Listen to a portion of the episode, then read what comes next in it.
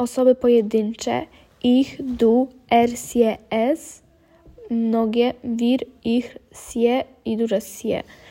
Y, Więc w, normal, w czasownikach regularnych tworzy się przez dodanie końcówki t w pierwszej i trzeciej osobie, na przykład learn plus t.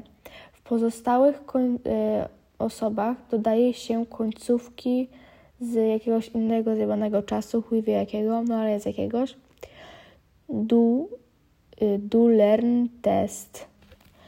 Czyli na przykład jak jest spielen, to jest ten temat czasownika spiel i w pierwszej osobie się dodaje te, w du spiel test, te i dopiero syty jeszcze, rcs dodaje się spiel, potem te i tu się już nic nie dodaje, wir dodaje się spiel, potem to te, w której jest w każdym i ny, w ichry dodaje się spiel, znaczy no, jest zwykłe spiel, potem jest jak zawsze te i kolejne te i małym siesie y, daje się spiel te, to które jest przy każdym i n.